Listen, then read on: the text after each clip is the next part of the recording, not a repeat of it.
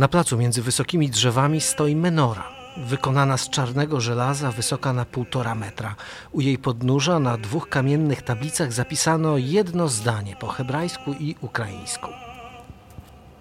Kol damei achicha, coakim eli men hadama. Głos krwi brata Twego woła do mnie z ziemi. Буває до мене із землі. Це на українському написано. Odczytuje Dawid. Osiemnastolatek jest przewodnikiem, objaśnia zwiedzającym znaczenie pomnika. Wokół z głośników rozbrzmiewają hebrajskie lamenty. Z tyłu na skarpie stoi niewielka, ozdobna drewniana synagoga. Nietypowa, na wpół otwarta konstrukcja odsłania pomalowany na ciemno-niebiesko sufit. Це не проста криш. To nie jest zwykły sufit. Namalowane są na nim kwiaty i znaki zodiaku symbolizujące gwiazdozbiory. To rozgwieżdżone niebo Kijowa 29 września 1941 roku, pierwszego dnia masowych rozstrzeliwań Żydów w Babim Jarze. Każdy z kwiatów symbolizuje gwiazdę na kijowskim niebie w tamtym dniu. Це зв'язки на небі Києва. W Babimiarze miała miejsce jedna z największych zbrodni podczas Holokaustu w Ukrainie. To tutaj w 1941 roku, w najważniejsze święto żydowskie Jom Kippur, naziści wymordowali prawie wszystkich Żydów w mieście. Był to wówczas piaszczysty wąwóz na obrzeżach Kijowa.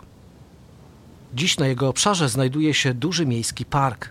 W kierunku Mynory prowadzi aleja. Ludzie biegają w sportowych ubraniach, kobieta pcha wózek między wysokimi topolami. Dla jednych jest to miejsce wypoczynku, dla innych miejsce pamięci. Trzej młodzi mężczyźni wchodzą do parku. Przyszliśmy, żeby zobaczyć to miejsce na własne oczy. O Babimiarze słyszeliśmy i czytaliśmy, ale teraz tutaj jesteśmy, rozumiemy tę atmosferę, widzimy i lepiej dowiadujemy się, co się tutaj działo. Dla mnie to jest historia naszego kraju, naszego narodu. To straszna tragedia. Musimy pamiętać o historii, bo bez historii nie ma przyszłości. Без истории не будет э, будущего. Babi-Jar jest symbolem Holokaustu w Ukrainie. Chociaż od masakry minęło 80 lat, wciąż toczy się walka o to, jak upamiętnić zbrodnie. W najbliższych latach powstać ma tutaj nowy kompleks muzealny. Ambitny projekt siłą rzeczy dotyka wszystkich kwestii, co do których Ukraińcy nie mogli się porozumieć w ciągu 30 lat swojej niepodległości. Jak godnie uczcić pamięć ofiar? Jak opowiedzieć historię zagłady Żydów jako część historii własnego kraju? Oraz w końcu, jak wyglądać ma polityka historyczna niepodległej Ukrainy w czasie, gdy na wschodzie trwa wojna z Rosją? Pamięć o Babim Jarze zawsze była problematyczna i taka jest również dzisiaj. My tylko możemy po kartach, po starych fotografiach ujawyty. To, jak wyglądał ten teren 80 lat temu, można odtworzyć tylko na podstawie starych zdjęć i map. Mówi historyk Anatolij Podolski. Dawnego jaru już nie ma. Dzisiaj na jego miejscu jest park, po którym spacerują ludzie, a wokół budynki, droga i metro. Ludzie żyją, gulają Podolski jest dyrektorem Ukraińskiego Centrum Badań nad Holokaustem, które od dwóch dekad zajmuje się badaniami historycznymi i pielęgnowaniem kultury pamięci. Jest po pięćdziesiątce, ma krótkie czarne włosy, mówi z werwą i żywo gestykuluje. Poprzez swoją rodzinę z Babim Jarem związany jest od wczesnej młodości. Всьому світу відомо дві дати жахливі. Cały świat zna dwie straszne daty: 29 i 30 września 1941 roku. Einsatzgruppe C, bataliony niemieckiej policji i miejscowa policja pomocnicza przez dwa dni wykonywały rozkazy. Mężczyźni zabijali kobiety, dzieci i starców. Po kilku dniach do Berlina dotarło sprawozdanie z Kijowa. Judenren. Powietrze w Kijowie oczyszczone, Żydów już nie ma, znowu można oddychać. W dokumencie podano liczbę ofiar 33 771 osób. Przez dwa dni mordowano wyłącznie Żydów. Євреї Києва. Тобто два дні вбивали тільки євреїв. Było to jedno z największych masowych rozstrzeliwań dokonanych przez niemieckie siły specjalne w czasie II wojny światowej. Po pierwszych dwóch krwawych dniach mordy w Babim Jarze nie ustały. Trwały przez cały czas niemieckiej okupacji.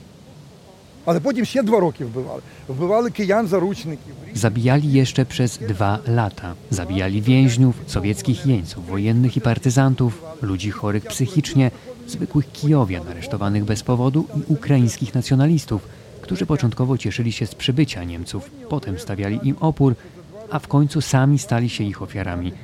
W ciągu dwóch lat okupacji niemieckiej zginęło prawie 100 tysięcy osób – w tym 65-70 tysięcy Żydów. 65-70 tysięcy to. Mówi historyk Anatolii Podolski. W Babim Jarze życie straciły jego babcia i dwie ciotki. Opowiada w drodze do innej części parku. Zatrzymujemy się przed monumentalnym sowieckim pomnikiem.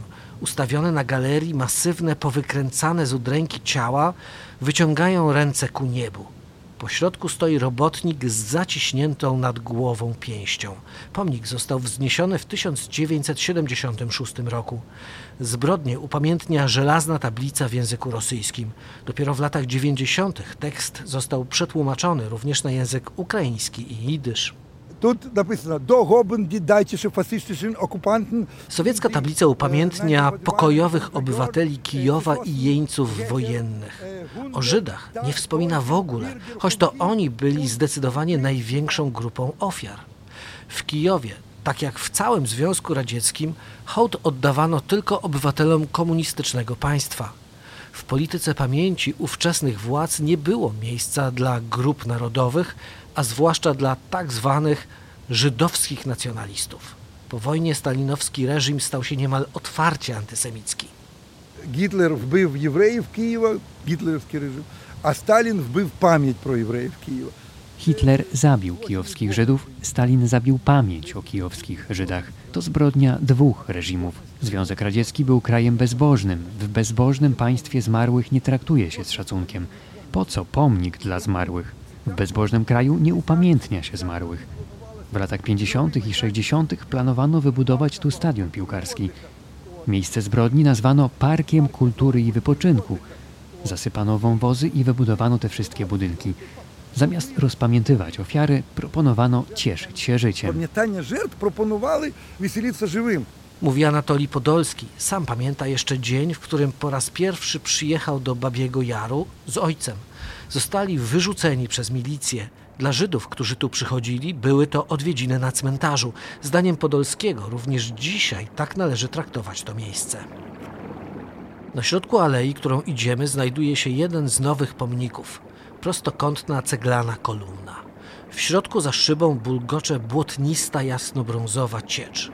Poprzez niewielkie wizjery w instalacji zobaczyć można nagrania z lat 50., na których widać Babi Jar zalewany przez strumień błota.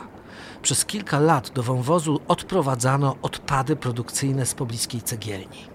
І 13 березня 1961 року we wrześniu 1961 roku pękła Tama. Ogromna lawina błota i ludzkich kości zasypała okolicę położoną poniżej. Szacuje się, że życie straciło ponad tysiąc osób. Zaginęły dziesiątki czy ludzi. Tak zwana katastrofa kureniwska, która przez 40 lat tuszowana była przez władze, to ponury symbol radzieckiego sposobu obchodzenia się z umarłymi.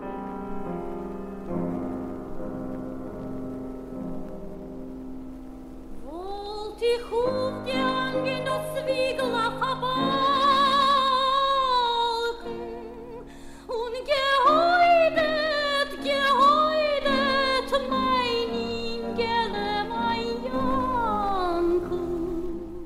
latach 50. i 60. powstawały wiersze i utwory sprzeciwiające się wyparciu tragedii, m.in. Kołysanka dla Babiego Jaru, Nachame Liwszic, w której matka Widisz śpiewa o swoim zamordowanym synu.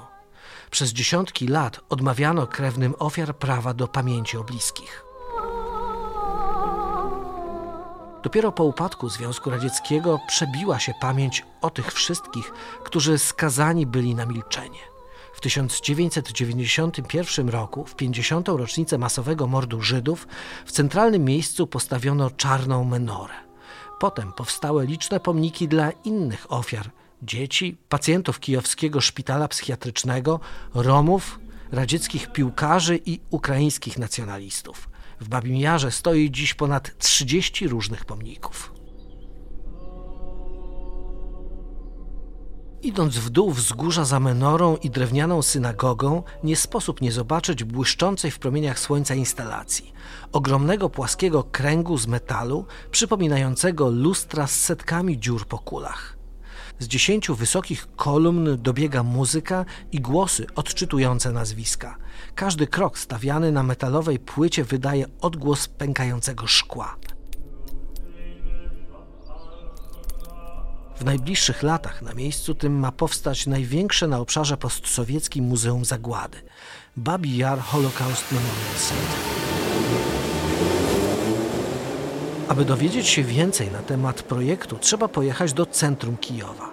Ogromny kompleks memorialny, w skład którego wchodzić ma muzeum, centrum badawcze, biblioteka i archiwum, planowany jest już od pięciu lat.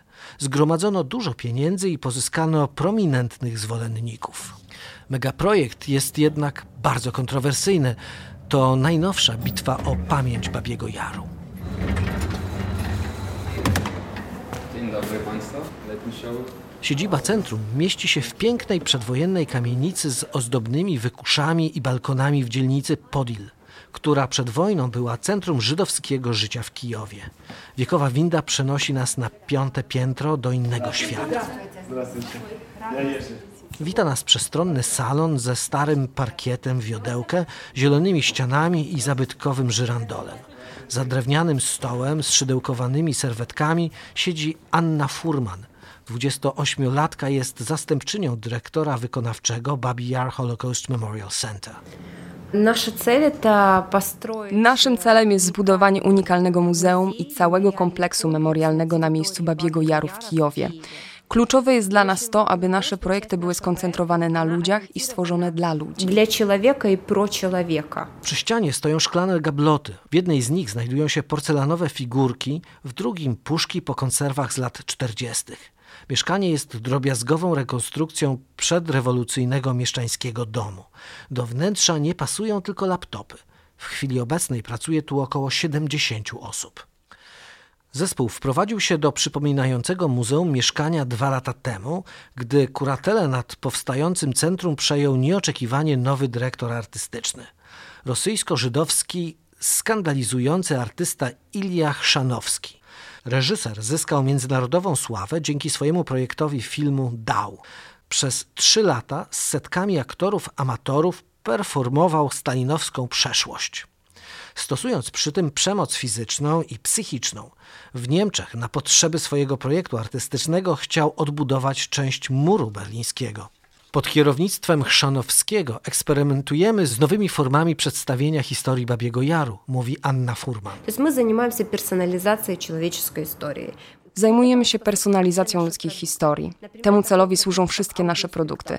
Na przykład produkt taki jak audiospektakl, który przenosi nas w przeszłość Babiego Jaru. Każdy może przejść się ścieżką śmierci, drogą, którą szli kijowscy Żydzi 29 września 1941 roku. Dzięki technologii rozszerzonej rzeczywistości można zobaczyć i usłyszeć tę historię. Staramy się stworzyć nowy język, który pozwoli opowiedzieć o tej tragedii i o uczestniczących w niej ludziach. Jak można rozkazać pro tragedię i pro człowieka w tej tragedii? Nowy język Szanowskiego budzi sprzeciw kiedy w 2020 roku upublicznione zostały pierwsze plany, wybuchł skandal.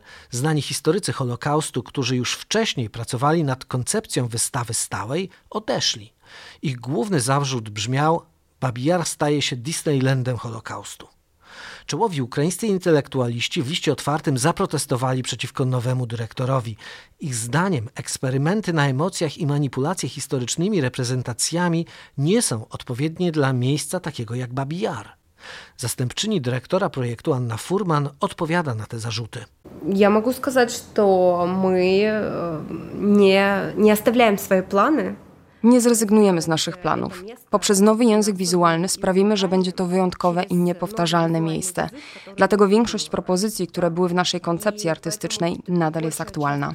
Kiedy ludzie widzą gotowe produkty, projekty, zazwyczaj zmieniają zdanie na lepsze. Widzą, że trwa praca, a jej wyniki robią wrażenie i są interesujące na przykład dla ich dzieci. I że ta robota uwlekatelna i interesna dla ich dzieci. Faktycznie liczne projekty przez zespół określane jako produkty są już realizowane. Na przykład cyfrowy model historycznego Babiego Jaru, archiwum nazwisk i biografii zapomnianych ofiar, czy też film dokumentalny Sergieja Łożnicy Babi Jar Kontekst, który był pokazywany w tym roku w Cannes.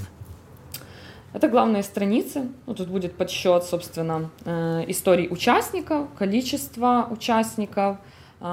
Jedna z młodych pracownic otwiera laptopa i pokazuje, nad czym pracuje. Dzięki współtworzonej przez nią platformie edukacyjnej, uczniowie szkół w Ukrainie będą za pomocą smartfonów dzielić się swoimi rodzinnymi rozmowami i wspomnieniami na temat II wojny światowej. Kluczowym projektem fundacji jest muzeum na terenie Babiego Jaru. Jego ukończenie planowane jest już na rok 2025.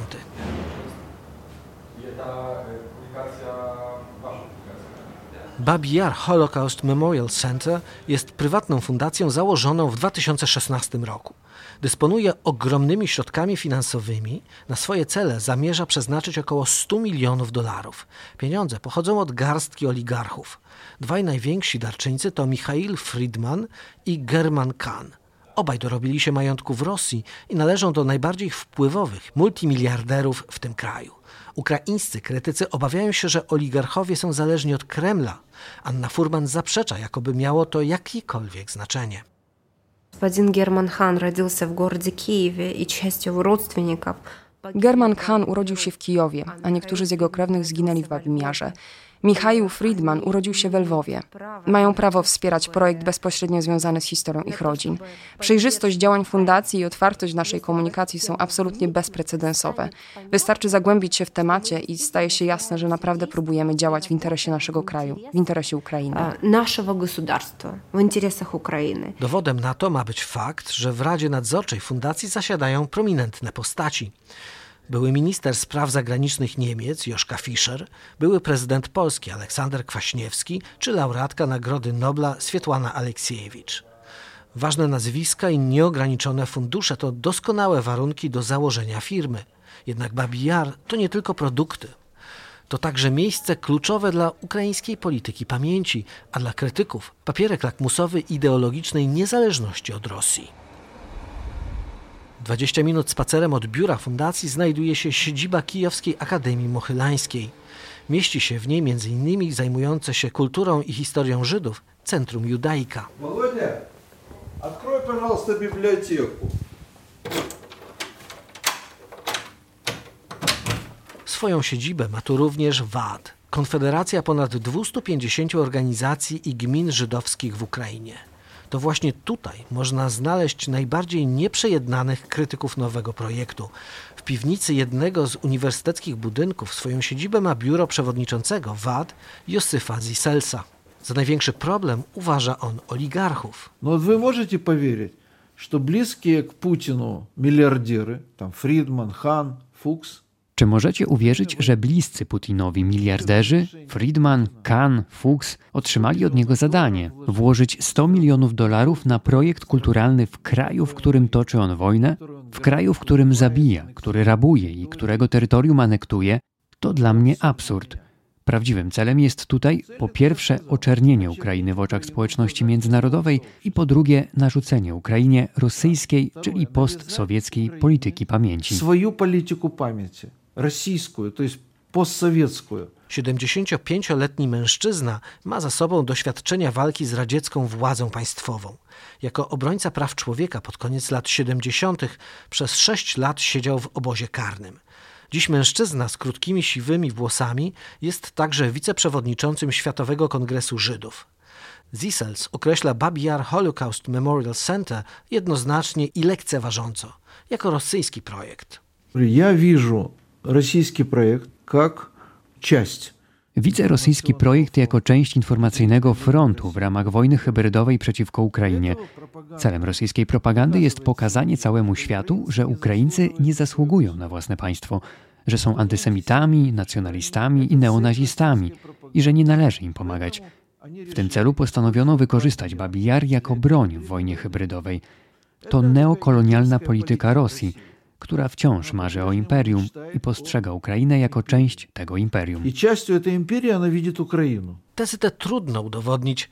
Zdanie Ziselsa podzielają jednak inni, na przykład historyk Anatolij Podolski z Ukraińskiego Centrum Badań nad Holokaustem.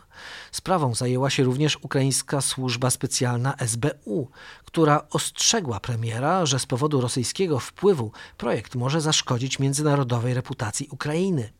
Prezydent Zełęński i inni ważni ukraińscy politycy, tacy jak mer Kijowa Witalij Kliczko, zdecydowali się poprzeć projekt. SBU wycofało się ze swojej oceny. Niemieckie Ministerstwo Spraw Zagranicznych potwierdza, że toczą się rozmowy o udzieleniu projektowi wsparcia finansowego.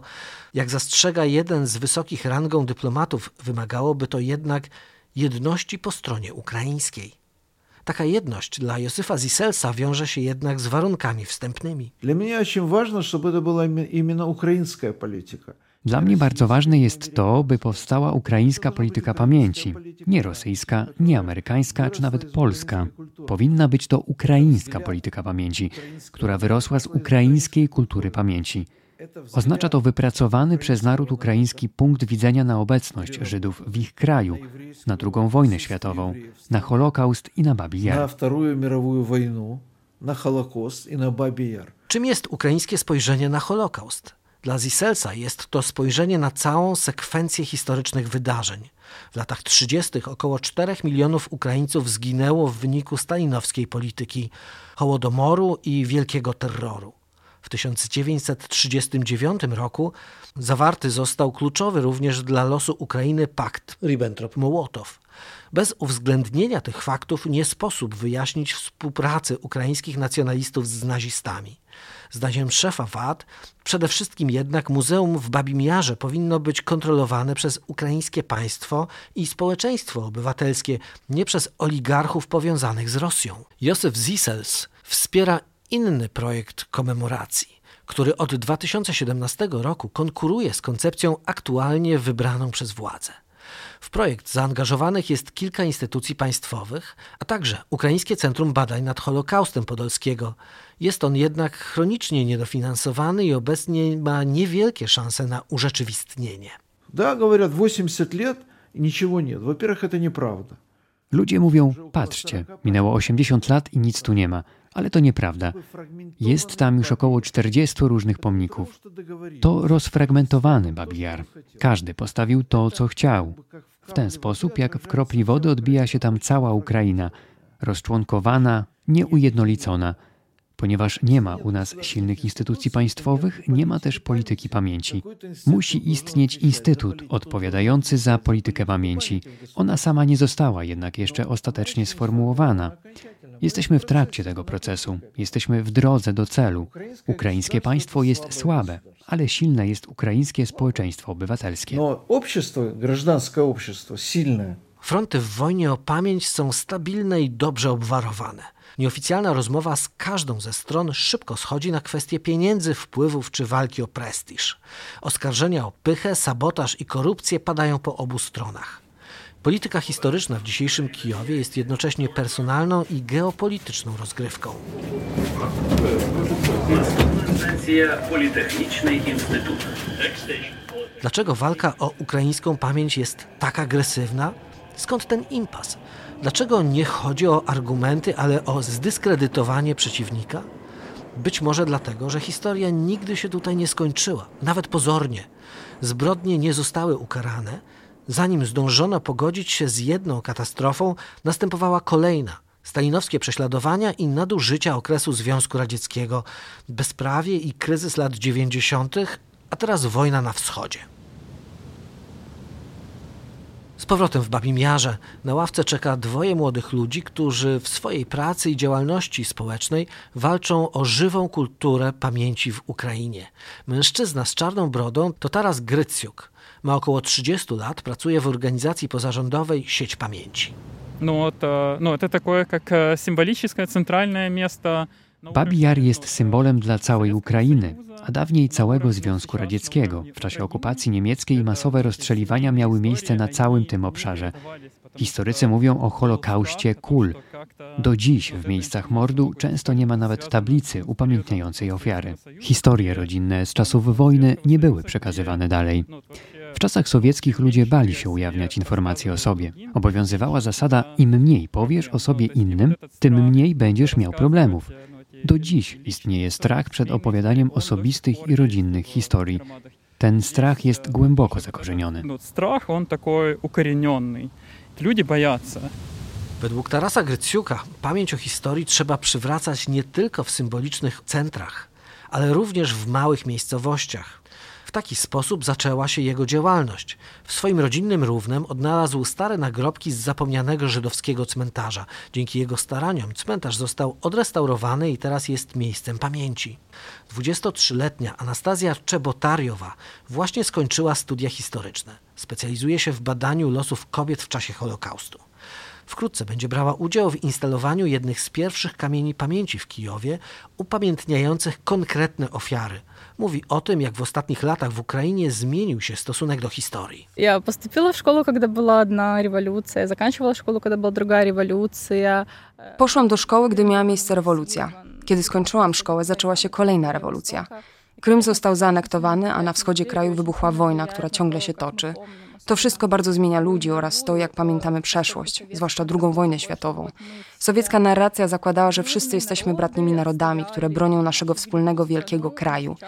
Ale teraz rozumiemy, że to nie był jeden kraj i były to różne narody. I rozumiemy, że Ukraińcy walczyli w różnych armiach i wspierali różne ideologie.